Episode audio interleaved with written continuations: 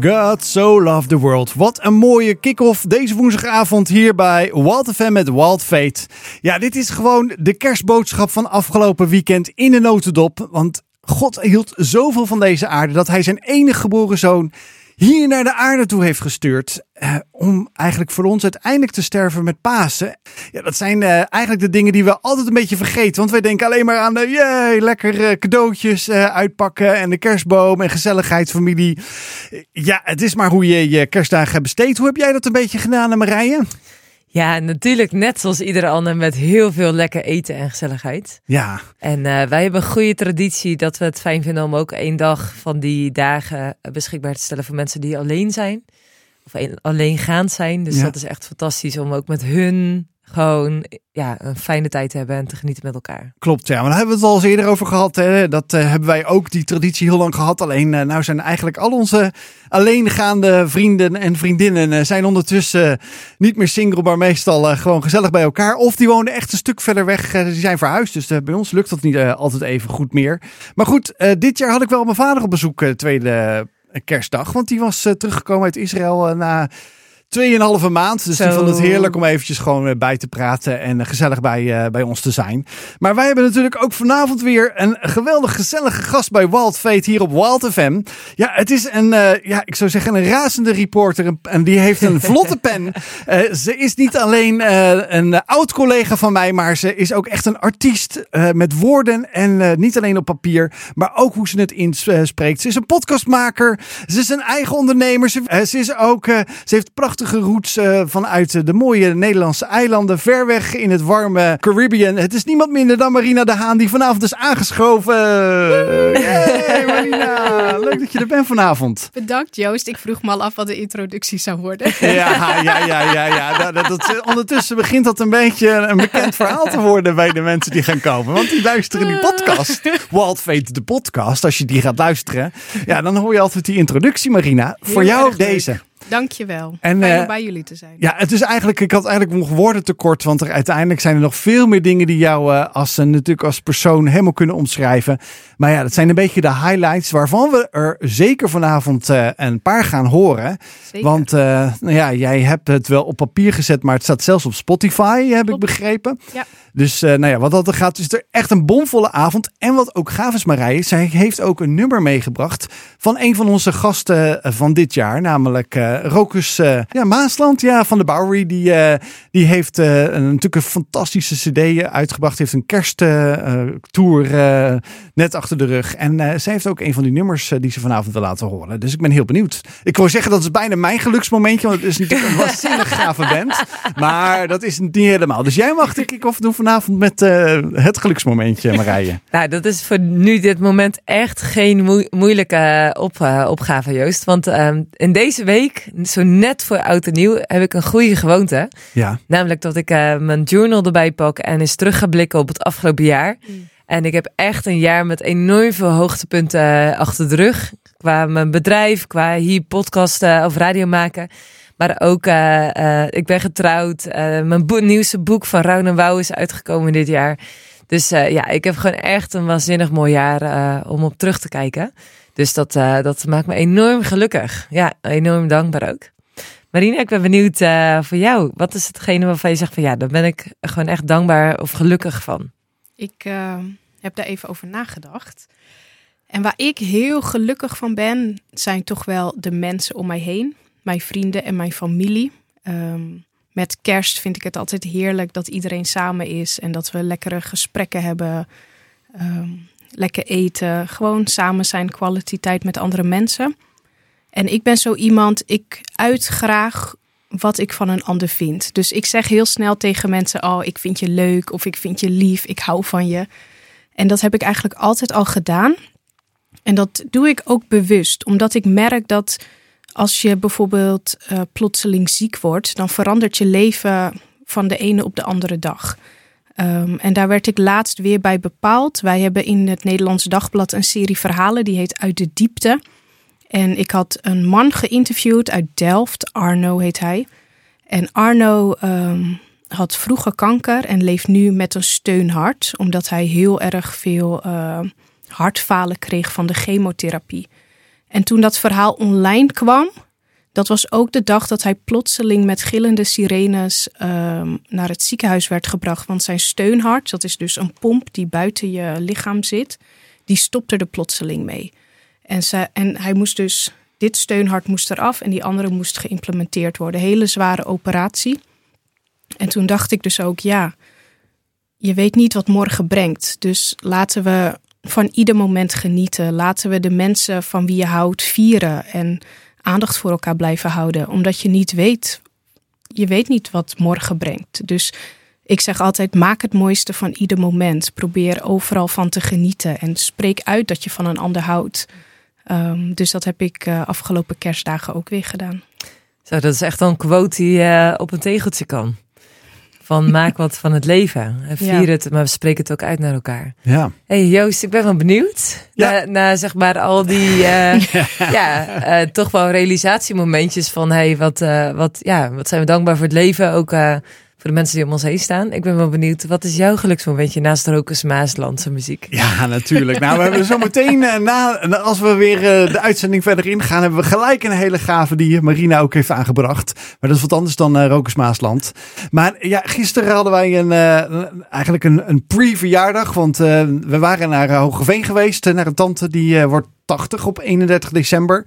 Maar dan zijn we zelf niet in de gelegenheid. Maar we hadden, daarvoor hadden we samen met mijn schoonmoeder, want die hebben we meegenomen. Want die zijn eigenlijk al, nou, die rit van, van ons huis naar de naar de tante toe is uh, 200 kilometer. Dus dat is niet echt om de hoek. Dus die hebben we meegenomen. We hadden daarvoor al heel veel voorpret gehad met een heel gaaf boek wat we hebben gemaakt met oude foto's. Ingescande, digitale. Ja, en een paar hoogtepunten vanuit ons gezin. Hè, vanuit de kant van, me, van, mijn moeder, van mijn schoonmoeder. En de kinderen en de kleinkinderen. En haar, want uh, ze kwam ook gelukkig uh, genoeg uh, op de foto. Ze heeft onze kinderen ook altijd gezien als haar kleinkinderen. Want ze heeft zelf geen eigen kleinkinderen. Dus ja, dat is eigenlijk dubbel feest geweest om daar gewoon gezellig te zijn. eventjes op de lunch te zijn. Dat boek te overhandigen. Nou, dan zie je mensen stralen. Dat is natuurlijk echt super gaaf dat je daar deel van mag zijn. Dus nou, dat was mijn geluksmomentje deze week. En er komen er nog veel meer aan. Want ik weet er nu alweer meerdere voor volgende week. Dat ik er eentje uit moet gaan kiezen. Dus wat dat gaat zie ik, het helemaal, uh, zie ik het helemaal gebeuren. Ja, en wat ik ook al zei, we hebben natuurlijk bij uh, Wild Fate hier op Wild FM niets minder dan de allerbeste gospel. Ja, en daarin heeft Marina ook een uh, voorkeur opgegeven. Ze zegt, mag ik wat leuks opgeven? Natuurlijk mag dat. En dat is niets minder. De dag is al voorbij, maar laat deze voor morgen zijn. Oh, happy day. Dit was Oh Happy Day. Welkom terug bij Wild FM hier op Wild Fate. We zijn in gesprek vanavond met uh, Marina de Haan. En uh, nou ja, uh, Oh Happy Day heb jij gewoon gezegd. Ik hou zo van dit soort muziek. Dat gaan we vanavond nog een keer horen. Ik zeg niet altijd dat het zo voorkomt, Marina. Maar voor jou heb ik serieus echt een uitzondering gemaakt met drie nummers die je hebt ingebracht. Hoeveel doe je normaal dan? en één, misschien soms twee. Maar, maar ik had heel veel opgegeven ook. Ja, ja daarom heb ik al wat moeten schrappen. Want anders wordt het een, een, een soul en... Uh... Ja, gewoon een gospel soul uitzending. Ja, nee, nee, nee. nee maar we moeten nog een beetje heel gelukkig uh, gemaakt, Marina, hoor. Ja. Ik hoop ook dat je ook met die drie gelukkig bent, uh, Marina. ik zal achteraf laten weten. Ja, maar, maar wat, is de, wat is jouw link met de, met de muziek? Wat, wat, wat, waarvoor ja, gaat je hart daardoor sneller kloppen? Ja, nou, ik grap altijd tegen mensen van dat ik heel goed kan zingen. En ja. in mijn dromen kan ik ook heel goed zingen. In de badkamer? Ja, bedoel je? absoluut. Okay. Maar muzikale vrienden van mij die zeggen: nee, Marina, jij mag echt niet in een aanbiddingsband. uh, maar ik geniet zo erg van muziek. Um, ik vind muziek heel mooi omdat het. Um, Um, de muziek verwoordt dingen die je niet altijd, en dat zeg ik als dichter, die je niet altijd uh, op papier krijgt met woorden. Uh, muziek geeft echt een andere lading aan, uh, aan gebeurtenissen. En ik hou heel erg van gospel. Ik ben um, opgegroeid in Nederland, maar mijn moeder is van Curaçao. En thuis luisterden wij altijd naar Motown, naar soul, naar gospel. Dus ik weet gewoon niet beter. Um, Ik ben dus half Antilliaans, maar zoals ik al zei, ik kan niet zingen. Ik heb geen ritme, dus dat is, Oh, echt is de heel- Nederlandse kant. Dat is een heel bijzondere. Die geeft je ook zeker de schuld van de Nederlandse kant. Ja, dan zeg ik, ja, sorry, dit zijn de genen van mijn vader. Ik kan niet dansen, ik heb geen ritme, maar ik geniet er echt onwijs van. Nee, je ziet juist, juist dat soort culturen, Marije. Ik weet niet, die- gaan bewegen. Ik ben al zo vaak in Afrika geweest. En je Ja. komt daar naar eh, de Antillen inderdaad. Er hoeft maar één noot te worden En gespeeld. ze gaan. Ze Nee, ik heb dat niet. Echt, ik, ik ben daar ook stuk jaloers op trouwens. Dus ik ben ook, dat geef ik ook die Nederlandse kant de schuld hoor. Maar niet, ja, dan is die nog gerust. Nou, ik kreeg dus zaterdag een vraag. Namelijk, eh, wie doet wel stiekem een dansje? Oh ja. En eh, toen dacht ik van, ja, dat doe ik, dat doe ik wel, zeg maar. Als ik dan eh, alleen in huis ben en aan het poetsen of aan het opruimen, zeg maar, dan eh, gaat de muziek hard. Ja, En dan lekker. ben ik blij dat het huis goed geïsoleerd is, want dan horen de buren het niet. Ja, ik zing gewoon hard bekend. hoor. Ja. Ik hoor bij bovenbuurman het wel. en, dan, eh, en dan swingen we gewoon door het huis heen. Ja, heerlijk. Ja, dus dan maakt het niet uit of dat goed gaat of niet, zolang je zelf maar een goed feestje hebt. Precies. Ja, ja precies. Maar, maar als je hè, het nummer Oh Happy Day luistert, wat brengt het dan bij jou naar boven? Ja, vreugde vooral. Ehm, wat, wat ik mooi vind aan gospel is dat in de tekst en in de muziek de blik gaat altijd omhoog naar God. Ehm, en ook als ik me dan eh, niet helemaal lekker voel, dan kan gospel je soort van upliften. Ehm, ja, dus dan voel ik me gewoon beter. Dat is wel bijzonder, ja. Ja. Dat, je, dat je dus in, in de situatie waar je dan ook in zit, dat muziek je echt zo kan helpen om daar een beetje overheen te kijken. Ja, omdat je soms, ik zit heel erg, ehm, ik kan heel erg in mijn denken zitten.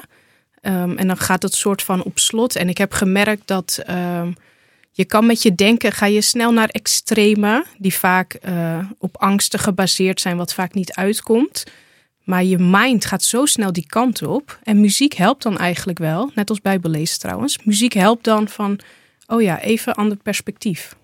En eh, je zegt, voor mij is bijbellezen dat ook. Ik denk dat heel veel luisteraars denken bij muziek, ja, dat heb ik zelf ook. Wat voor muziek het dan ook is.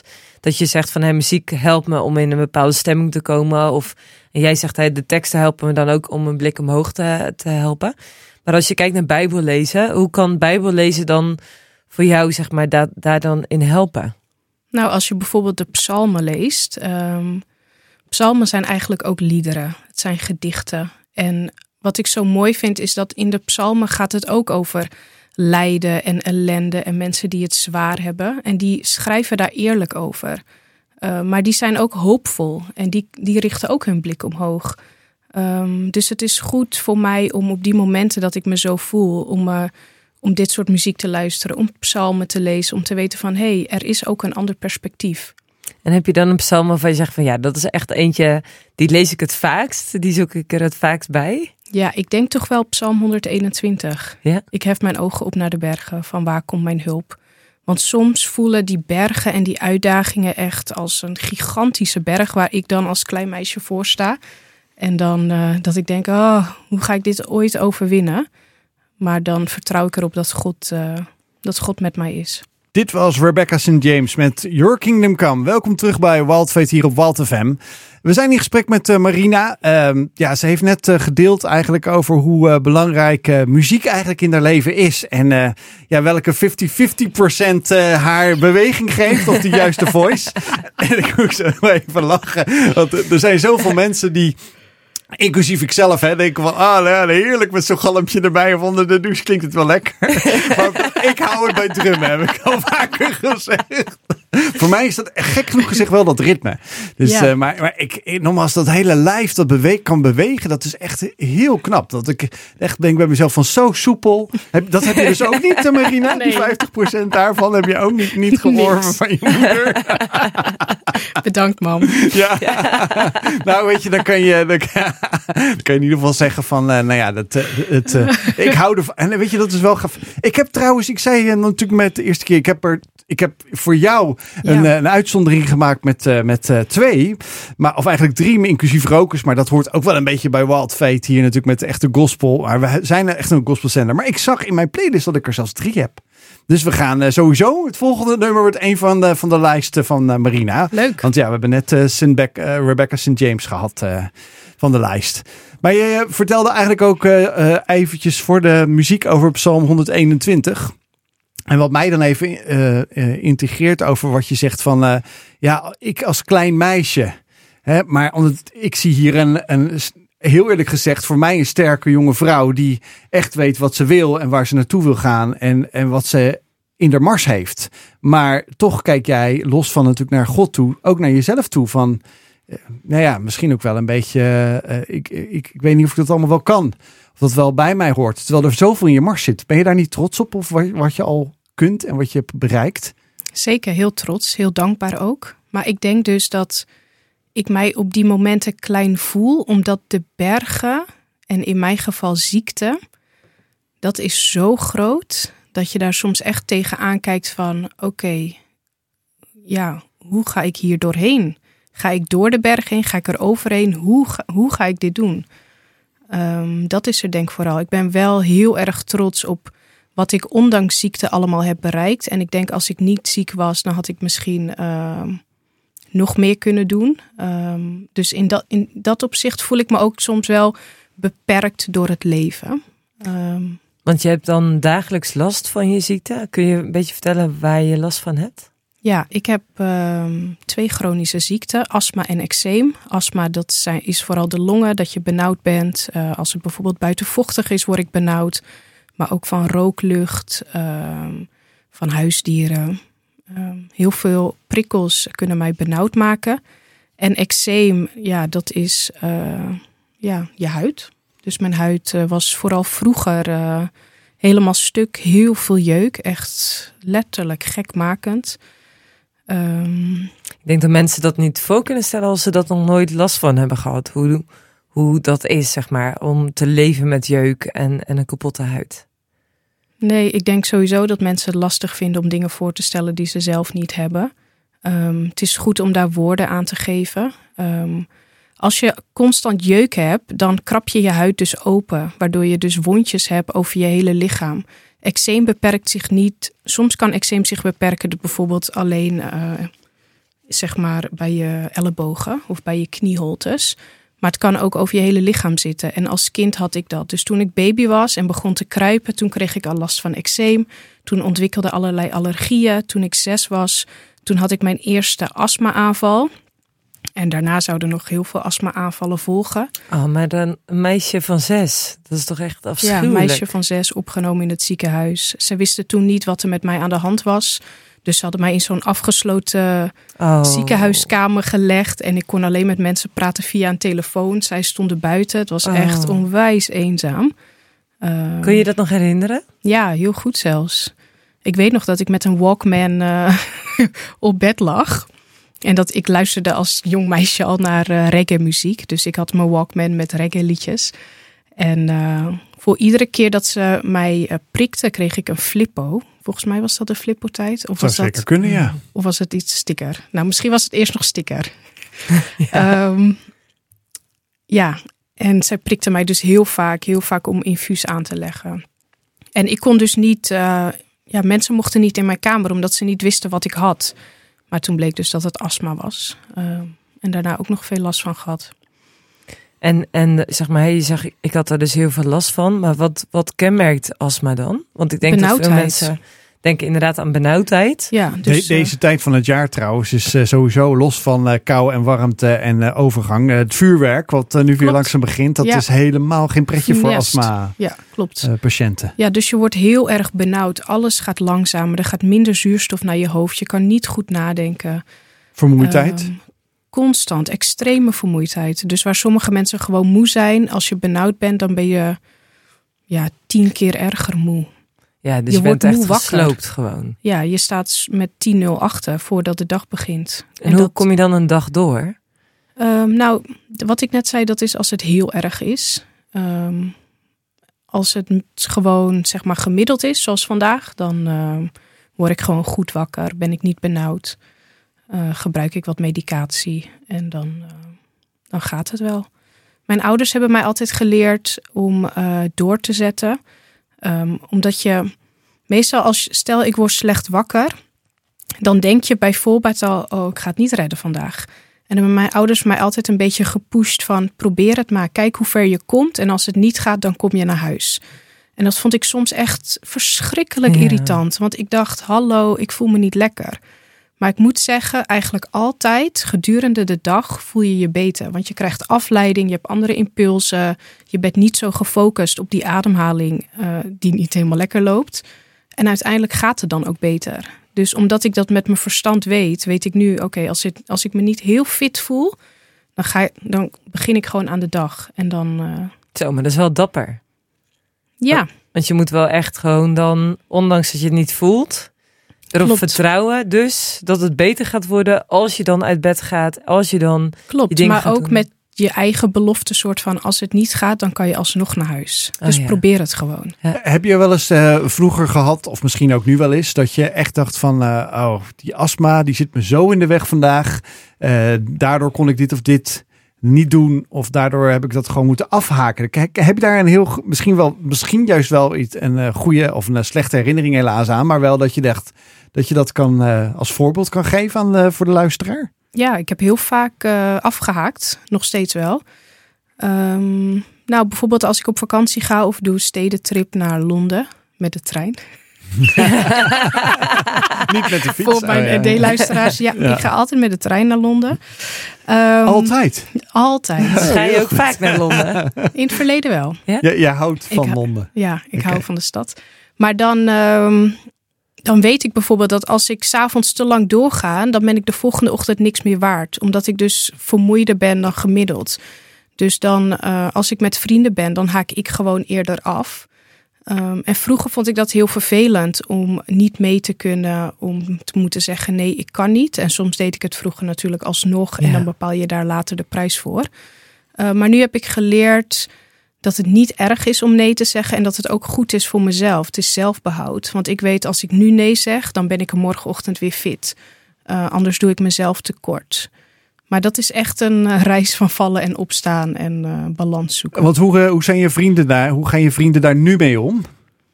Ja, heel begripvol. Zij, zij weten mij, eh, zij kennen mij goed. Dus eh, Zien Voor hen zij is het, het ook? niet. Want ik ken iemand met astma en daar zie ik het gewoon niet aan. Eh, hè, de signalen, zeg maar. Ja. Die persoon wordt dan wat stiller. Maar dat vind ik echt heel moeilijk om dat te zien, zeg maar. Van, Ja. Het is dan zo moeilijk als iemand dat niet aangeeft. Ja, Is benauwdheid, zeg maar, zo moeilijk om te... ja eh, ik heb om te geleerd zien. om het te zeggen inderdaad. Als het niet goed gaat, dan zeg je het gewoon tegen je vrienden. Je kan niet van ze verwachten dat ze het altijd aan je zien. Eh, benauwdheid, als de ademhaling hoog is, kan je zien als het, dat het lichaam heel erg in en weer gaat. Maar het, je hoeft het niet te zien, inderdaad. Ja, dus dat is ook... Ook dat is dapper. Ja, Ja, en dan vind ik het niet mooier dan eh, een nummer wat ze zelf heeft uitgekozen, namelijk van eh, Rita Franklin, Respect. Nou, we hadden het er net over eh, hoe, hoe dapper ik, ik jou in ieder geval vind. Van eh, hè, goed voor jezelf zorgen, het aangeven, jezelf begrenzen. ja, Ik heb regelmatig met tieners gewerkt. En die eh, hebben bijvoorbeeld een gast die had eh, suikerziekte. En die Mm. wilde dus niet prikken. Omdat hij echt gewoon zo zijn ziekte zo haatte. Terwijl dat eigenlijk echt niet goed voor hem was. Had je dat in je puberteit ook? Dat je echt merkte van dat je opstandig werd tegen het ziek zijn. En dat je er eigenlijk helemaal klaar mee was? ja, soms werd ik wel opstandig. Ehm, ik hou er niet van eh, dat eh, ziekte mij beperkt in het leven. Dus dat heb ik heel erg. Maar ik, ik wist ook, stel het gaat nu niet goed en ik heb prednison nodig. Dan weet ik, ik heb nu gewoon prednison nodig, want anders word ik niet beter. Ehm, ja, dus dat heb ik wel geleerd om eraan toe te geven. Ehm, ik, lang zag ik ziekte als zwakte. Dat ik dan zwak ben en eh, niet sterk genoeg en anderen zijn sterker. Ehm, maar dat, dat is gewoon helemaal niet waar. Nee, soms heb je medicatie nodig. Ja, en dat is ook een beetje de, de nuchtere blik die je daar dan op werpt. Van, Klopt, hey, ja. Ik heb dit gewoon nodig. Ja. En stel je voor, hè, ik denk dat heel veel mensen te maken hebben met eh, eh, het moeilijk vinden om jezelf te begrenzen of om grenzen aan te geven. Jij kon niet anders. Eh, stel je voor dat nu iemand luistert en zegt: Ja, Marina, kan ik van jou leren? Hoe heb je geleerd? Wat wel, wat niet? Dat dan ook te communiceren naar dus je vrienden toe. Hoe Ja. doe je dat in hemelsnaam? Kan ik dat van jou leren? Ja, ik denk vooral door te proberen. Ehm, dus je moet zelf leren waar jouw grens ligt wanneer iets te veel is voor jou en wat er dan ook met je gebeurt. Ehm, dus als je weet wat het effect is van over je grenzen gaan, dan kan je ze ook beter stellen en tijdig. Ehm, en inderdaad meer gewoon uitspreken. Ehm, dus ik heb heel vaak tegen mijn vrienden gezegd: als ik benauwd ben, dit is hoe ik mij voel. dit doet het met mij. Uh, dus heel bijna rationeel eigenlijk woorden eraan geven, zodat anderen het begrijpen. En ja, daardoor hebben zij ook respect voor mij. En uh, ja, snappen ze hoe ik erin sta. En ik geef ook aan, als ze vragen wat kan ik voor je doen, nou, er gewoon zijn eigenlijk. Ze hoeven geen oplossing te bieden. Um, dus ik denk voornamelijk gewoon proberen, waar ligt mijn grens? En, en, stel, en stel die grens gewoon en hou je eraan. Ja, je hebt het uh, over die, uh, je, je hebt het nu vooral over de, de astma gehad. Houdt het in dat je ook veel minder last nu meer hebt van je eczeem, waar je ook uh, over sprak? Ja, de laatste jaren gaat het eigenlijk heel goed met eczeem. Ik heb wel, toen ik 30 was, toen kreeg ik als volwassene weer heel veel eczeem. Echt overal wondjes in mijn gezicht en in mijn nek. Ehm, het maakt mij heel onzeker, omdat Zo. het ehm, zo zichtbaar is het. is zo zichtbaar. En je ziet als mensen niet naar je ogen kijken, maar naar wondjes. Ja. Um, dus dat is echt heel erg lastig. Uh, Want wat deed het met je als mensen daarnaar keken? Um, ja, je voelt je minder waardig. Uh, dus misschien ook waar we het eerder over hadden, dat je je daardoor wat kleiner voelt. Um, je voelt je minder waardig, je bent anders, je wijkt af omdat je, ja, je ziet er anders uit, omdat je huidstuk is. Um, en ik zeg altijd, mijn huid was stuk, maar eigenlijk was mijn hart ook gebroken. Um, omdat ik gewoon zo onzeker was. Ik durfde niet te zijn wie ik ben. Gewoon omdat ik bang was voor afwijzing omdat mijn huid zo stuk was. Ik, ik vind het heel sterk. Dat lijkt ook wel de dichter in je die dit nu gelijk zegt. Hè? Want dat ben je natuurlijk ook. Van uh, mijn huid was stuk, maar ook mijn hart was stuk. Wauw, die verbinding. Sorry dat ik het zeg, Marina. Maar die, die, die, ja, nou, die zou ik niet direct kunnen leggen. Maar zo, zo, zo, de, zo dat jij dat al pakt, joh. Ik vind het echt bijzonder. Maar ik, wat, wat ik mij ook nog afvroeg. Je bent natuurlijk ook sterk op papier. Letterlijk en figuurlijk met de pen. Hè? Dat heb ik natuurlijk gezegd. Uh, maar, maar heb je dat ook, ook daadwerkelijk ook van je afgeschreven in het verleden? Dat je echt dacht van, uh, ja, hier, hier over mijn ziekte eigenlijk schrijf ik dingen af. En die, die geef ik eigenlijk liever aan vrienden. Lees het maar in plaats van dat ik het moet vertellen. Heb je dat ook gehad of niet echt? Nee, nooit gedaan. Ik heb wel natuurlijk altijd gedichten geschreven en ik denk daarin wel dingen verwerkt. En natuurlijk in mijn gedichtenbundels gaat het ook uh, over lijden. Um, maar tegen vrienden heb ik altijd gewoon het uitgesproken dat helpt toch het beste om gewoon eerlijk te zijn. En ik hou ook van het eerlijke gesprek. Ik hou ervan dat je bij mensen waar je veel van houdt, dat je gewoon kwetsbaar kunt zijn en kunt zeggen: Dit is kloten, ik ga hier doorheen. Um, zo zit het, ik ben niet blij. Um, het is juist heel waardevol dat dat kan. Ben je nou nooit boos geweest op God? Ja, zeker wel. Ja. Ja, ik uh, ben zeker boos geweest. Um, en ook naar hem geschreeuwd en uh, vragen, of altijd de waarom-vraag. Niet dat je daar ooit antwoord op krijgt, maar. Ja, dus waarom was ik ziek? Waarom was waarom moet mij dit meisje? overkomen? Ja, ja um, waarom kon het niet anders? Ik ben heel jaloers op mensen die gezond zijn, die alles uit het leven kunnen halen wat erin zit. Want voor mijn gevoel kan ik dat niet door ziekte. Um, ja, dus ik ben, ben zeker boos geweest op God, maar ja, boosheid alleen helpt niks. Het, het verandert je situatie niet. En ik ben heel veerkrachtig. En uh, ik, ik hou er niet van om te lang in een bepaalde bui te blijven hangen. Ik wil het heel graag confronteren en dan doorgaan. Uh, dat is uh, een soort van hoe ik in het leven sta. Dus ik, ik ben niet lang boos geweest. En, en is toen juist in die tijd dat je zegt van hey, ik was 30, toen kwam die eczeem terug. Uh, uh, heb je toen ook juist ook weer een, ja, daarin een stukje diepere laag verkend of in ieder geval woorden gegeven aan dat proces waar je toen in zat, zeg maar, omdat je zegt in mijn gedichtenbundel schrijf ik ook over lijden, zeg maar, is juist ook in die periode uh, dat je opnieuw zeg maar geconfronteerd wordt met astma en eczeem, mm -hmm. juist ook heel veel inspiratie ontstaan. Ja, zeker. Um, aan het begin niet hoor. Als lijden heel heftig is, dan, is er, dan ben je eigenlijk alleen maar aan het overleven. Dan heb je geen ruimte voor creativiteit of andere dingen. Um, dat komt bij mij echt in rust. En uh, toen ik mijn eerste bundel schreef, Lily in the Wild Field, toen was ik een aantal maanden op Curaçao. Toen was mijn huid echt helemaal kapot. Hier in Nederland wilden ze mij, uh, was het echt symptoombestrijding. Dus heel veel prednison, hormoonzalven, waar je huid heel dun van wordt. Dus ik dacht, ik wil op een gezonde manier genezen, zon en zee uh, op Curaçao. Dus dat heb ik een paar maanden gedaan. Was goed geregeld met werk, dat ik vanuit daar kon werken ook. En dat gaf mij heel erg rust. Ik kon daarbij tanken. Uh, de natuur is daar prachtig. Uh, daar heb ik heel veel poëzie geschreven. Um, ik denk ook deels om te verwerken, maar ook omdat ik dacht: ja, ik ik heb iets van God gekregen, inspiratie, een stem en ik wil dat graag gebruiken. En uh, ja, zodat andere mensen daar ook iets aan hebben.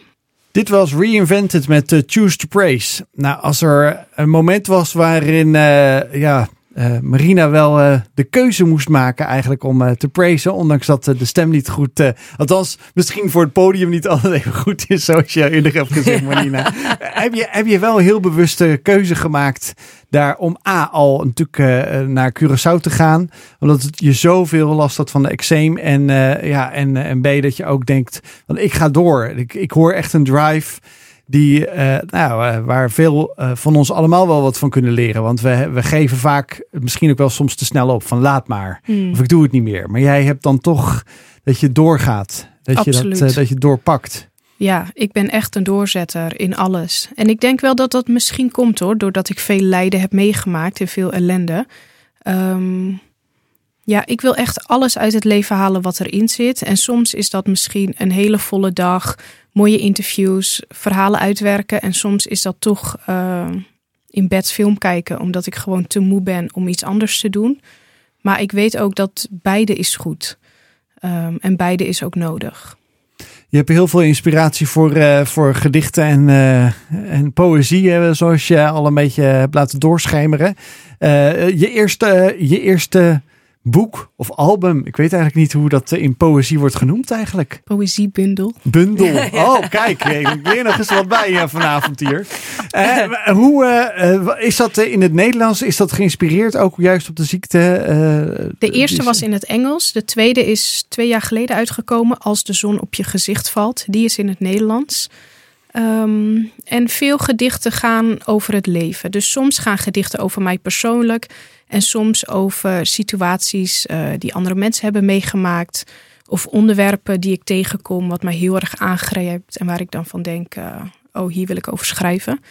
Um, dus het is heel divers. Ja. Nou, in tweede uur gaan we er een aantal luisteren, want er staan er een aantal op Spotify onder Marina de Haan. Dus ben je al benieuwd, dan kun je tijdens de break even luisteren. Maar we gaan er even uit voor de, uh, voor de reclame en het nieuws. En dan horen we je straks weer terug. Welkom bij het tweede uur van Wild Fate hier op Wild FM. We zijn uh, heerlijk in gesprek met Marina de Haan. En je hebt zojuist uh, geluisterd naar uh, For King and Country Relate. Ja, we draaien hier natuurlijk ook 2022 de allerbeste gospel. En dat gaan we ook in 2023 doen, Marije. Want ik heb al zulke gave nummers weer klaarstaan op die playlist van volgende week. Want dan zitten we alweer in het nieuwe jaar. Ja, man, dat gaat toch zo snel? Ja, ik heb er heel veel zin in al. Maar niet eerder gaan we natuurlijk daarmee verder dan dat we de tweede uur uh, verder in gesprek gaan met uh, Marina de Haan. Zoals je misschien het eerste uur ook uh, mee hebt geluisterd of je hebt dat eerste uur gemist. Geen probleem. Morgen op de socials kun je de podcast gaan liken of gaan terugluisteren. Of je kunt ons natuurlijk gewoon gaan volgen op Spotify of alle andere bekende podcastplatforms naar Wild Fate, de podcast. En daarin uh, kun je ons elke week uh, het verhaal naluisteren, delen ook. Want Marina heeft echt al wel heel uh, ja, indrukwekkende dingen gezegd eigenlijk het eerste uur, Marina. Daar was ik best wel... nou ja, niet geschokt van, maar wel van wauw, wat een, wat een power woman mm. hebben we hier ook echt aan tafel zitten die uh, ja, zelf veel lijden heeft gekend. Uh, ook daar nog steeds doorheen gaat. Maar de, ja, dat je met je creativiteit, met je creatieve brein, letterlijk en figuurlijk, poëziealbum. Ja, ja, nu hebben we hem. Dat ja. is namelijk mijn geleerde ding van het eerste uur. Ja, ik zeg, is dat een boek of is dat een schrift of weet ik? Nee, dat is een album. Ja, zo, bundel. Bundel, ja. Oh ja, bundel. Ja, zo weinig, zo weinig lees ik nou eigenlijk poëzie. Erg, hè? Maar ik heb al dat één... We gaan zo meteen ook in dit uur ook wat van jou luisteren. Want uh, Marije zei het al van, uh, ja, wil je graag Marina luisteren van wat voor een creativiteit ze heeft, dan kan je dat ook vinden op Spotify. Gewoon onder jouw naam, Marina de Haan. En daarin heb jij een aantal poëzie uh, nummers, uh, vijf stuks met muziek eronder, met uh, gave artiesten gemaakt. Daar gaan we ja. dus straks zeker een paar ook van draaien hier op Wild Fate, op Wild FM. Maar het, het eerste wat we natuurlijk eigenlijk altijd de tweede uur doen, is natuurlijk onze, ja, onze reis die we samen gaan maken. Dus ja, Marina, we gaan de tijdmachine in. De deur gaat open en uh, we gaan ons klaarmaken voor die reis. Waar gaan wij heen, Marina? Welk Bijbelgedeelte ga jij ons meenemen? We gaan naar Egypte. Wij gaan naar Egypte. Dat zal vast het heel goed kunnen zijn dat het het Oude Testament is. Maar het komt ook in het Nieuwe Testament voor. Dus neem ons mee en de luisteraar van Wild FM. Yes, here we go. Ik wil een verhaal vertellen over hoe kan het ook anders? Een schrijver. Maar deze man is veel meer dan een schrijver. Ja, hij schreef vijf verschillende boeken. Maar deze man kwam van ver. Met zeven mijlslaarzen ga ik door zijn geschiedenis, want ik wil vooral bij één moment stilstaan. Dit is het verhaal van Mozes. Voor mijn verhaal reizen we dus naar Egypte. Het volk Israël woont dan in het land van de piramides. Ze worden onderdrukt door de farao. Het volk wordt steeds groter en ze laten van zich horen. Dat baart de farao tot gigantische zorgen. Zijn hart tegenover het volk is zo groot. Zijn haat, niet zijn hart, zijn haat tegenover het volk is zo groot dat hij besluit tot kindermoord. Alle Hebreeuwse jongetjes moeten in de Nijl worden gegooid. gegooid. En dan wordt Mozes geboren. Zijn moeder weet Mozes in huis te verbergen, maar als ze hem niet langer geheim kan houden, legt ze hem in een mandje van papyrus tussen het riet en langs de oever van de Nijl. Daar wordt Mozes gevonden, door niet zomaar iemand, maar door de dochter van de farao. Zij redt hem en Mozes wordt onderdeel van het gezin. Hij groeit op in het hof van de farao, de onderdrukker. Mozes leeft dus in het huis van de onderdrukker en met de onderdrukker. Als hij naar buiten kijkt, dan ziet hij zijn eigen mensen ploeteren. Als hij ziet hoe een Egyptische slavendrijver een Israëliet slaat, wordt Mozes woest. Hij doodt de Egyptenaar en hij vlucht, weg van de farao, weg van zijn eigen mensen. Hij verdwijnt in de woestijn. Zijn toevlucht vindt hij op een plek die Midjan heet. Daar wordt hij liefdevol opgevangen in een vreemd land. Hij trouwt en wordt vader. Mozes hoedt de schapen van zijn schoonvader. En dan komt het moment waarop ik wil inzoomen. Hij hoedt de schapen, de ochtendzon komt op en schijnt over het land. Het land ruikt, ruikt fris, een nieuwe dag is aanstaande. Wat zal het brengen? De schapen spelen fijn. Hij houdt ze goed in de gaten en drijft ze verder de woestijn in. Hij gaat helemaal weg tot de berg Horeb. En Horeb betekent hitte. En warm was het daar inderdaad. Maar Mozes merkt niets van de gloeiende warmte. Zijn oog valt op iets dat licht geeft. Iets lijkt daar te branden. Maar er is geen rook. Wat is die iets? Hij kijkt nog een keer om naar de schapen. Ze blijven bij elkaar. Dan loopt hij het licht tegemoet. Nog een stap en nog een stap. Even houdt hij zijn adem in. En zijn pas ook. Dat lijkt wel een struik. Is het een struik? zegt hij hardop tegen zichzelf. Hij is nogal van de leg, want de struik brandt. Vlammen gaan door de doornstruik, maar de struik verteert niet. Hoe kan het dat de struik niet verbrandt? Weer stapt hij dichterbij, deze keer met zijn hand uitgestoken om de struik aan te raken. Maar net als hij een stap wil gaan zetten, gebeurt er nog iets opmerkelijks. Mozes, Mozes. Iemand spreekt door de struik tegen Mozes. Met knikkende knieën zegt hij: Ja, ik luister. De stem zegt: Kom niet dichterbij en trek je sandalen uit, want de grond waarop je staat is heilig. Mozes trekt meteen zijn sandalen uit en gooit ze in het warme zand. Het zand kriebelt tussen zijn tenen. Dan maakt de stem bekend wie hij is. Ik ben de God van je vader, de God van Abraham, Isaac en Jacob. Als Mozes dat hoort, bedekt hij zijn gezicht. Hij durft God niet aan te kijken. Dan zegt God tegen dan zegt God dat hij de jammerklachten van zijn volk heeft gehoord. Hij ziet ze lijden, ze worden onderdrukt en vernederd.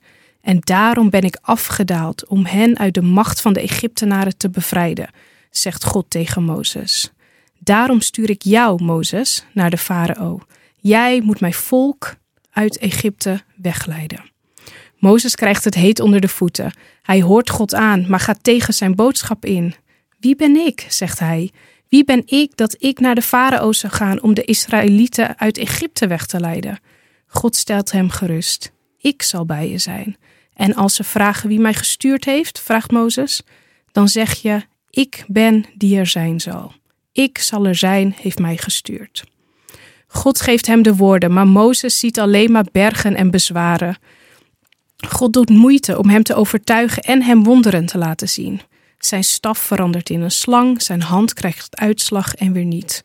Mozes zucht en puft. Uh, neemt u mij niet kwalijk, maar ik ben echt geen goede spreker. Dat is altijd al zo geweest en daar is nu geen verandering in gekomen nu u tegen mij gesproken hebt.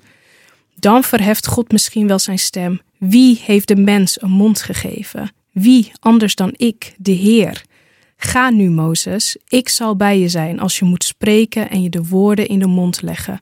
En neem je staf in de hand, want daarmee moet je wonderen doen. De struik dooft langzaam uit. De berg krijgt het daglicht terug.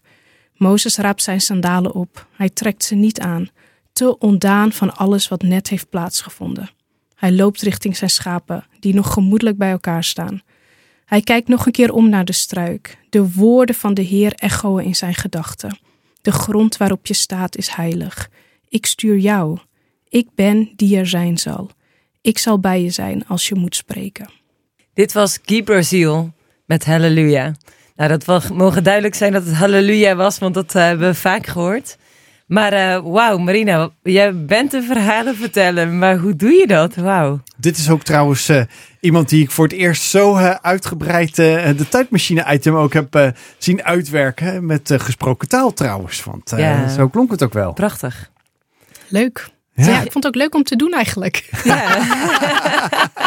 nou, Voorbereiding is het, halve werk, hè, zeggen ze dan. Ja, maar het is zo mooi, want je neemt ons helemaal mee in het verhaal, maar ook in de, ja, eigenlijk de realisatie dus die Mozes had van, ja, wie ben ik dan eigenlijk? En uh, zeg je nu van, hè, waar staat dit verhaal in de Bijbel? Exodus is het tweede Bijbelboek van het Oude Testament.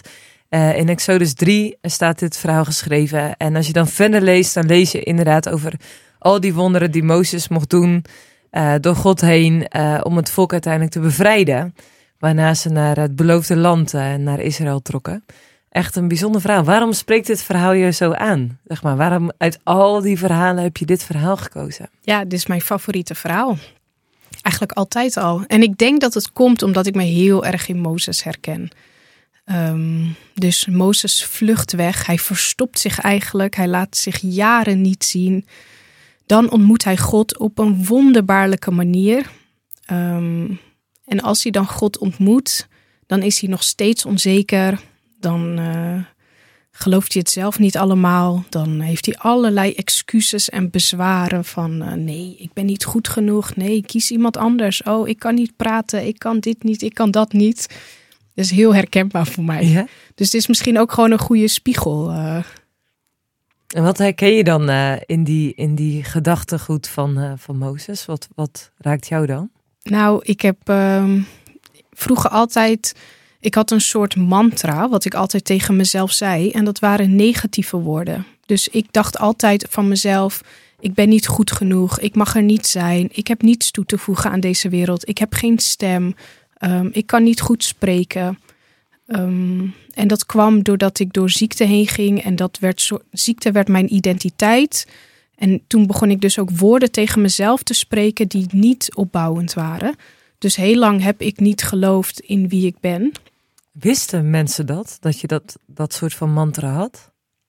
Nee, nee het was uh, onbewust waarschijnlijk zo uh, ontstaan. Pas later, toen ik erover begon te vertellen, ik denk eerst aan mijn ouders van hé, hey, uh, ja, ik ben gewoon onzeker. Ik denk dat het toen pas eruit kwam.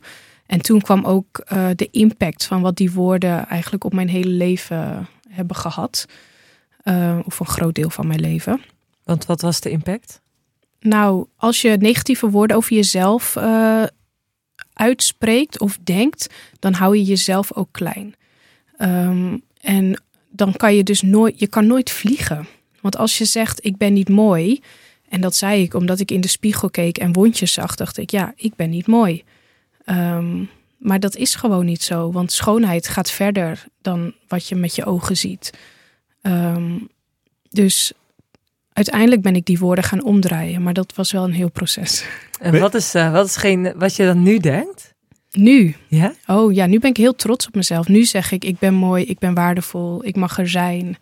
Nu moedig ik mezelf aan, Marina, spreek vaker. Heel goed dat je dat ook tegen jezelf zegt, want je hebt prachtige dingen gemaakt. En eh, een van de gave dingen is dat je uh, ook een nummer van uh, de Bowery van uh, Rokus Maasland, die hier nou, een paar maanden geleden ook aan tafel zat, mee heb genomen eigenlijk om te laten doen. En dat is Stone by Stone. En, en dat is wel een heel gaaf nummer wat ook aansluit hierop, want in zijn lyric, ik kijk heel eerlijk gezegd gelijk naar het laatste couplet in plaats van naar het eerste. Want hij zegt uiteindelijk het is een gebroken, gebroken ja, uh, huis wat we weer moeten opbouwen. En dan, en dan zegt hij uiteindelijk inderdaad, uh, would you build this house with me? A brand new house for a world to see. Cause I can do this on my own. Let's build together stone by stone. Wat gaaf dat dat ook zo ook een nummer is wat je meeneemt. Ik zou bijna zeggen, het is, moet zo wezen dat we dat nu heerlijk gaan luisteren. Dit was Stone by Stone hier op Wild FM eh, met eh, ja, Rokus Maasland, de Bowery. Een En band. G-Roots, hè? Ja. G-Roots. Ja, ja in, eh, nou, in ieder geval, kijk, kijk, die moet gelijk erbij. Kijk, ze is heel, ze is heel stipt. En echt, nou, een journalist die hier aan tafel zit, dus daar moeten we mee oppassen natuurlijk. Die heeft haar researchwerk goed gedaan. Maar ze zei hier al tussen de muziek door dat ze het ook heerlijk vindt om aan deze kant van de tafel te zitten hier bij Walter Klopt, FM. het is Eh, fijn bij jullie. ja, nou heel goed. Dat horen we graag. eh, Hè? Ja. Maar nou, dat, je, dat je hier op je gemak voelt. Maar eh, heel, ja, heel indrukwekkend wat je net ook vertelde over ja, het verhaal van Mozes in de tijdmachine. En ja, hoe je daarmee ja, spiegelt. En uiteindelijk ook wel waar we het ja, toch ook hier vanavond het met elkaar over hebben. Is dat je ook echt een, een dichter bent in hart, eh, vanuit je hart eh, echt de dingen opschrijft. En dat je ook bijvoorbeeld eh, dat onder andere op Spotify hebt gezet. Dat moet natuurlijk toch een hele reis zijn geweest. Dat kan niet zijn dat je dacht van daar gaan we wat mee doen. Hoe is dat eigenlijk gekomen dat ja, je wat hebt gemaakt en toen dacht van dat moet eigenlijk ook met muziek omlijst worden? Nou, ik, ehm, ik hou dus heel erg van schrijven en creëren. En ik vind het fijn om meer te bieden dan alleen ehm, woorden. Dus voor mij is, is, zijn de boeken, het is een hele beleving. Ehm, het is allemaal kunst wat samenkomt en wat elkaar versterkt. Dus mijn bundels hebben ook altijd fotografie. Omdat foto's, eh, vaak natuurfoto's trouwens, eh, geeft andere lading weer. Eh, het versterkt de woorden die erin staan. Maar ik heb altijd al een droom gehad van hoe gaaf is het dat je niet alleen naar poëzie, dat je niet alleen poëzie hoeft te lezen, maar dat je er ook naar kan luisteren. En hoe mooi is het dan dat eh, muzikanten muziek maken bij de woorden. Muzikanten zijn natuurlijk heel creatief. Zij luisteren naar een tekst en ze hebben daar een gevoel bij. En dat gevoel kunnen zij vertalen, componeren naar muziek. Ehm, en ik heb daarom een aantal eh, muzikanten gevraagd of ze mee wilden werken. En het is echt prachtig geworden. Ehm, het ontroert mijzelf ook eh, dat iemand anders dus met jouw woorden aan de slag gaat en dan ja, dit eindresultaat ervan maakt. Ik, eh, we hebben, je hebt er zes of vijf sorry, online staan onder je eigen naam, eh, Marina de Haan. Eh, sorry, eh, zeven online. Oh, sorry, ik moest eh, verder doorscrollen, zie ik hier. Maar de lijst die daar staat, eh, ik word gelijk hier gecorrigeerd. Ah, ja, zeven, ja. Ik En- corrigeerde deze keer niet, hè? Nee, nee, nee. Ja, eh, dat is, eh, ik ben gewend eh, met, eh, met drie vrouwen in huis te wonen, eh, Marina. Thuis met eh vrouw en twee dochters. Dus ik ben heel erg gewend eh, met vrouwen aan tafel te zitten. ja, nee, maar nee, je- we hebben, je hebt eh, aangegeven van in ieder geval eh, te beginnen met eh, nummer vier, eh en zie. Wat, Ja. is daar, wat is daar de, de kern achter? En ik zou ook bijna zeggen, kondig hem aan en... eh, als je de mogelijkheid hebt, sluit serieus je ogen. Is. Als je thuis zit op de bank, eh, niet in, achter de, het stuur natuurlijk, maar la- laat eens even dit tot je doordringen. Maar we kondig hem eens even aan wat hier de, ja, de gedachte achter is. Ja, en zie eh, is denk ik wel een van mijn favoriete gedichten. En het is ontstaan eigenlijk uit een beeld wat ik kreeg. Eh, toen, ging het, eh, toen zat ik midden in burn-out. En het, en het was alsof iemand mij omhoog trok. Dus voor mijn gevoel was ik zat ik in ellende. Het was donker om mij heen. Ik zag niet welke kant ik op moest lopen, maar er kwam een hand van boven en die trok mij omhoog. Ehm, en voor mij is dat Jezus, voor mij is dat God die redding biedt uh, als het leven heel zwaar is. En wat ik zo mooi vind aan dit gedicht is dat je, als je door lijden gaat, dan denk je dat je aan het verdrinken bent. Je denkt, ik kan niks meer, ik bouw niks op, ik leer niks, ik zit alleen maar in dit zwarte gat en het lijkt alleen maar dieper te vallen. Um, maar als je daaruit komt, dan pas zie je hoeveel je geleerd hebt. En dan pas zie je eigenlijk waar je werkelijk staat en wat je fundament is. En daar gaat en zie over. Dus ik zou inderdaad zeggen, sluit je ogen en uh, geniet.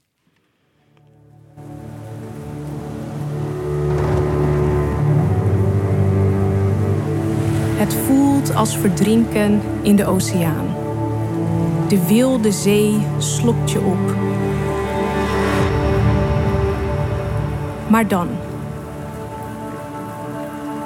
Als de mist van je denken verdwijnt, schijnt de zon op je gezicht. Je richt je blik omhoog. Bijna aan de top.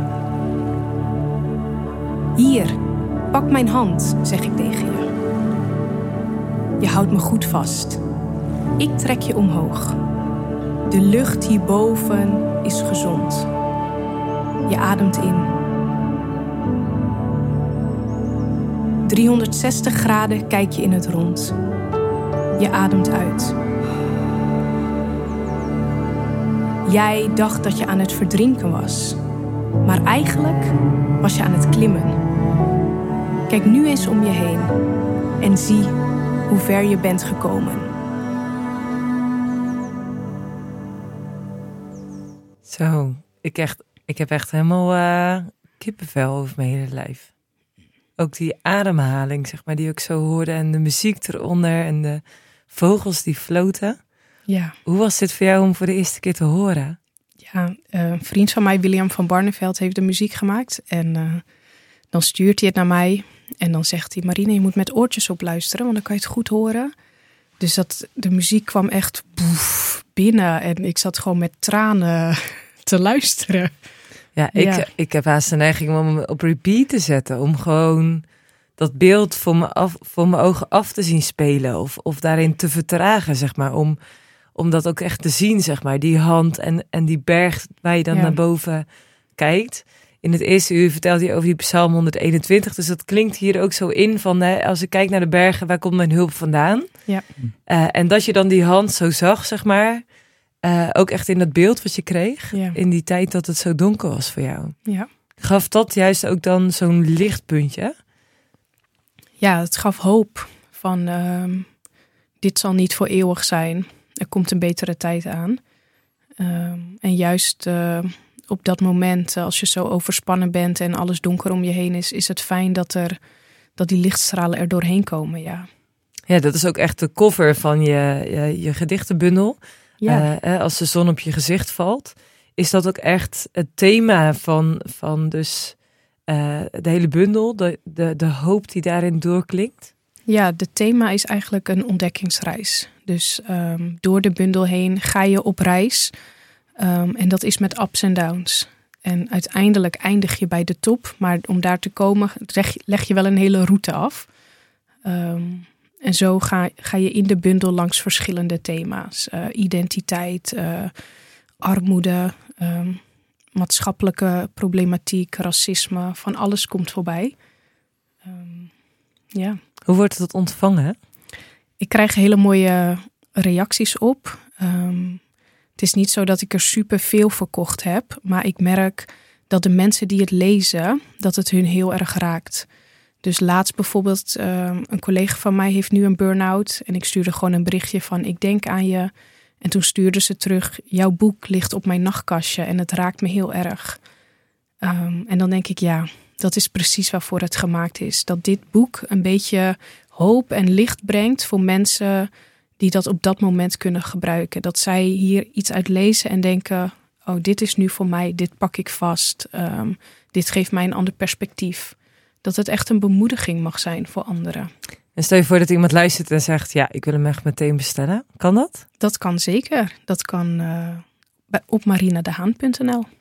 Kijk, dus uh, ga naar www.marinadehaan.nl. Als je zegt van ja, ik wil heel graag die gedichtenbundel kopen. Uh, je eerste bundel staat waarschijnlijk ook nog op. Klopt, Lily in the Wild Field is 10 euro en de nieuwe Nederlandse Als de zon op je gezicht valt 20 euro.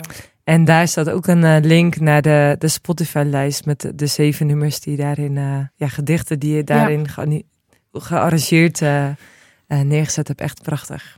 Ja, het lijkt wel het thema van, uh, van Mountains te zijn hier bij Walter Fan met Walt Fate. Uh, Marina, je zei net uh, tijdens de muziek, oh mijn lievelingslied, hoe komt het toch mooier? Het, het valt zo mooi in elkaar. Wij zeggen serieus, elk, na het, elk tweede uur eigenlijk, het, het rondje is rond na twee uur. Nou, dat is natuurlijk nog lang niet, maar in de tijd dat we met onze ja. gast hier altijd in gesprek zijn bij Walt Fate. Dat is wel bijzonder hoor. Ja, hè? ja heel gaaf dat je ja, dat zo ik bedoel, we worden ervaart. steeds blijer als we in de radiostudio ja. zitten, dus...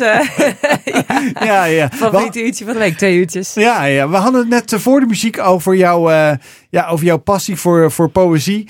En ook daar in die gave uh, ja, online Spotify-lijst die je hebt met uh, je eigen naam, Marina de Haan. En we hadden net het, voor de muziek NZ hadden we gedraaid. En Marije had het er al even over. Ik heb uh, wijselijk mijn mond even gehouden. Maar nee, nee het, het nummer is serieus maar 1 minuut 20. Maar ik heb echt het gevoel gehad van wauw dit is, dit, je voelt gewoon je meegenomen worden, waardoor je eigenlijk ook even tijd vergeet. Volgens mij hoort dat ook een beetje bij poëzie, toch? Als je ja, Klopt. Je, je mee laat nemen en het even vooral laat nagalmen. Want dat heb ik wel vaker als ik gedichten lees. Ja, ik denk dat dat ook met poëzie zo is. Dat je dus dat je tijd hebt om het om soort van te verwerken. Hé, hey, wat hoor ik allemaal? Wat doet het met me? Um, het is wat meer reflectief. Ja. En we hebben dat natuurlijk niet zo vaak uh, poëzie-schrijvers hier uh, bij, bij Walt uh, FM. Bij je Walt bent de eerste. Yes. Ja, ja, dus je hebt de, de, de kick-off voor een nieuw jaar wat gaat komen bij Walt FM met Walt Veten. Misschien wel ja, afgetrapt, zou ik maar zeggen. Letterlijk en figuurlijk. Want wij hebben zo'n pluimage aan gasten gehad al afgelopen jaar. Dat is echt ongelooflijk. Het is heel gaaf dat jij ook het jaar met ons afsluit eigenlijk hier. Want... ja. Ja, dat is natuurlijk ook bijna een eer, Marina. Maar uh, ja, ja, ja, ja. ja. Je, het ja, geeft het als een eer. Ja. Je moet het wel voelen als een eer. Nee, nou, je nee, moet het voelen. Het zeker. Nee, nee, nee, nee. Maar uh, kijk, je, je bent wel gewoon, uh, gewoon zo gepassioneerd over die poëzie. We zeiden al van, we hebben nog een nummer wat, wat we wilden laten horen. Ook omdat we daar nu juist ook die dat podium letterlijk en figuurlijk voor willen geven. En dat ook heel Hmm. gaaf is. En ik ben al bijna geneigd van, ik wil hem eerst aanklikken. Maar het is goed om ook dit nummer, uh, dit nummer, dit, Ja. dit- ja, de- deze, Zal ik er iets over zeggen? ja, dat, dat, dat we mooi die achtergrond net als met Ik zie meekrijgen. Ja. Want dan luister je, heel erg gezegd, ook misschien nog wel nog mooier naar het gemaakte werk wat jullie hebben gedaan. Ja, nu gaan we luisteren naar U geeft ons nieuw leven. En dit gedicht heb ik eigenlijk voor vrienden van mij geschreven. Zij hadden toen eh, net een miskraam gehad. En eh, ik had heel erg in die periode gebeden voor nieuw leven. Heer, breng nieuw leven. Ehm, en toen bleef het toch uit. Ehm, en dat was een heel, ja, het was heel bitter nieuws. Ehm, en toen begon ik te schrijven dat, dat je kan dus ja, verstrikt raken in die bitterheid. En de hoop kan dan soms ook bitter zijn. Hè? Je hoopt op nieuw leven en het blijft uit. Dus dit gedicht gaat daar deels over, maar het, het slaat ook een brug naar identiteit. Dat God ons even goed nieuw leven schenkt. Ehm, misschien op een andere manier dan wij eh, gehoopt hadden.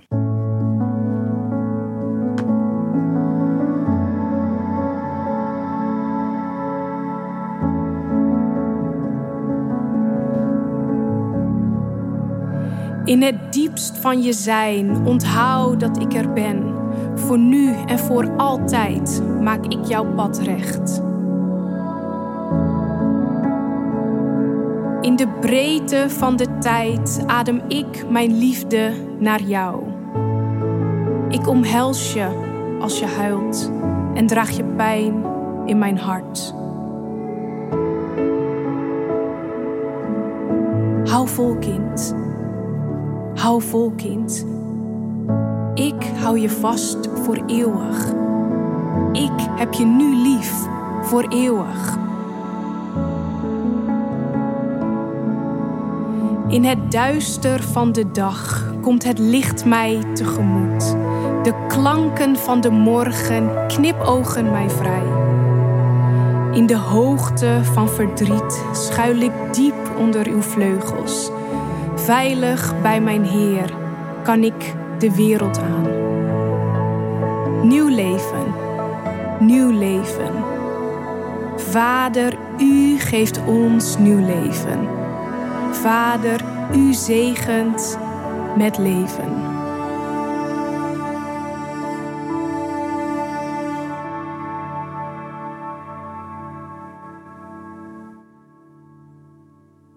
Zo, dat is even die uh, nagalm die ik uh, bijna ook aan het begin al zei. Uh, dat heeft impact, zeg. Ja, ik ben zelf ook wel een beetje stil van. heb je enig idee dat dit een serieus een, een onontdekte parel is dat mensen kunnen doorsturen naar anderen? Wat jij samen met anderen hebt gemaakt. Ik krijg er bijna echt de tranen zitten me hoog. Gewoon omdat je zelf niet weet wat voor een impact dit heeft misschien. Ja, en ik denk daarom raakt het verhaal van Mozes mij zo, want hij onderschatte zichzelf. En ik denk dat ik dat ook bij mezelf doe. Ja, ik leef denk een beetje dat ik mezelf altijd onderschat.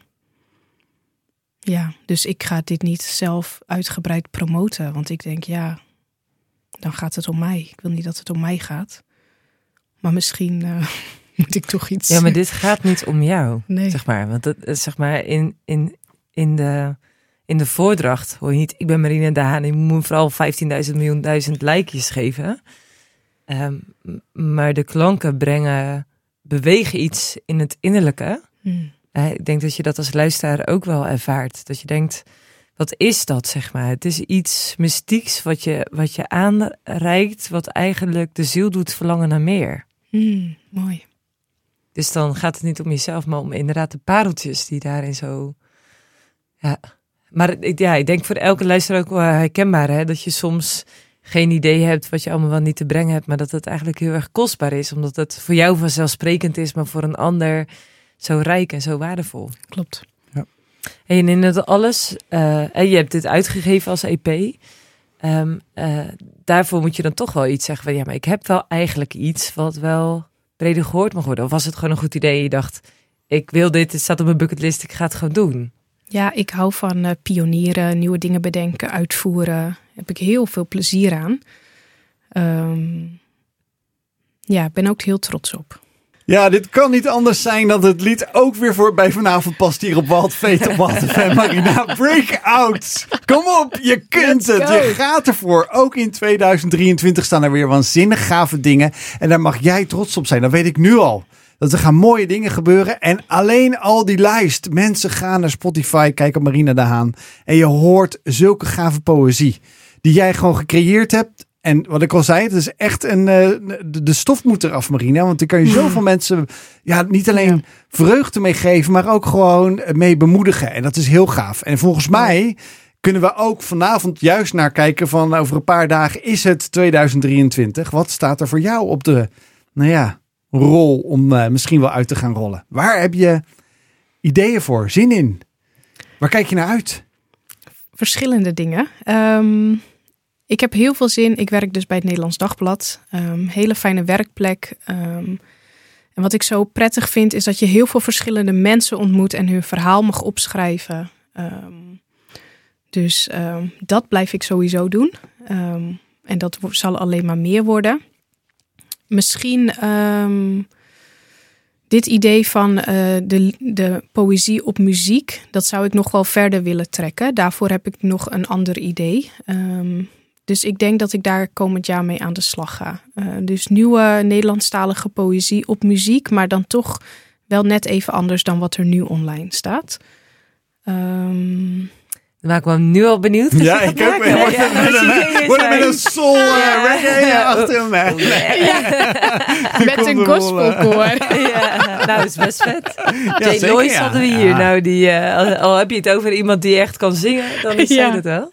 Ja, ja, precies. Ja. Ja. Nou, gaaf. Mooi. Dus er zijn eh, genoeg plannen in ieder geval. Het Zeker. jaar zal misschien ook wel bijna voorbij vliegen. Hey, Dat zou zomaar kunnen. Ja. En even los van eh, je website en eh, Spotify, eh, kunnen mensen je ook nog via social media of zo volgen? Of zeg je, check vooral de website? Eh, op Insta is dat Marina de Haan. Al moet ik toegeven dat ik de laatste tijd niet zo heel actief meer ben op Insta. Omdat, eh, omdat ik eh, het, het leidt mij erg af van het leven. Ik wil juist het leven, ten volste leven, zei je al. Precies. Ja. Niet alleen Ja. maar digitaal. En op Ja. Twitter de Haan Marina. Oh ja, kijk, hartstikke mooi. Kijk eens aan. Nou ja, het, eh, het programma zit er weer op voor vanavond. Walt FM is toch wel eh, jammer dat we geen 2022. bubbels meegenomen hebben. Ja, dat had ik wel is, verwacht, eh, ja. Jammer, Champagne. jammer, jammer. Jongen, Ja, ik zou, zou bijna zeggen tot volgend jaar dan. eh, Ja. ja, toch? Kijk ernaar. Ja, ik ook. En eh, nou Marina, eh, als je dat nieuwe album hebt uitgebracht, Ja. misschien wel volgend jaar, laat het ons weten. Want dan gaan we je inbellen tijdens eh eh, Wild FM, eh, hier op Wild, met eh, Wild Fate natuurlijk. Want we willen altijd op de hoogte van onze vrienden blijven. Yes. Dankjewel dat je er was vanavond. Jullie ook bedankt. En eh, tot volgende week. Zeker, tot dan.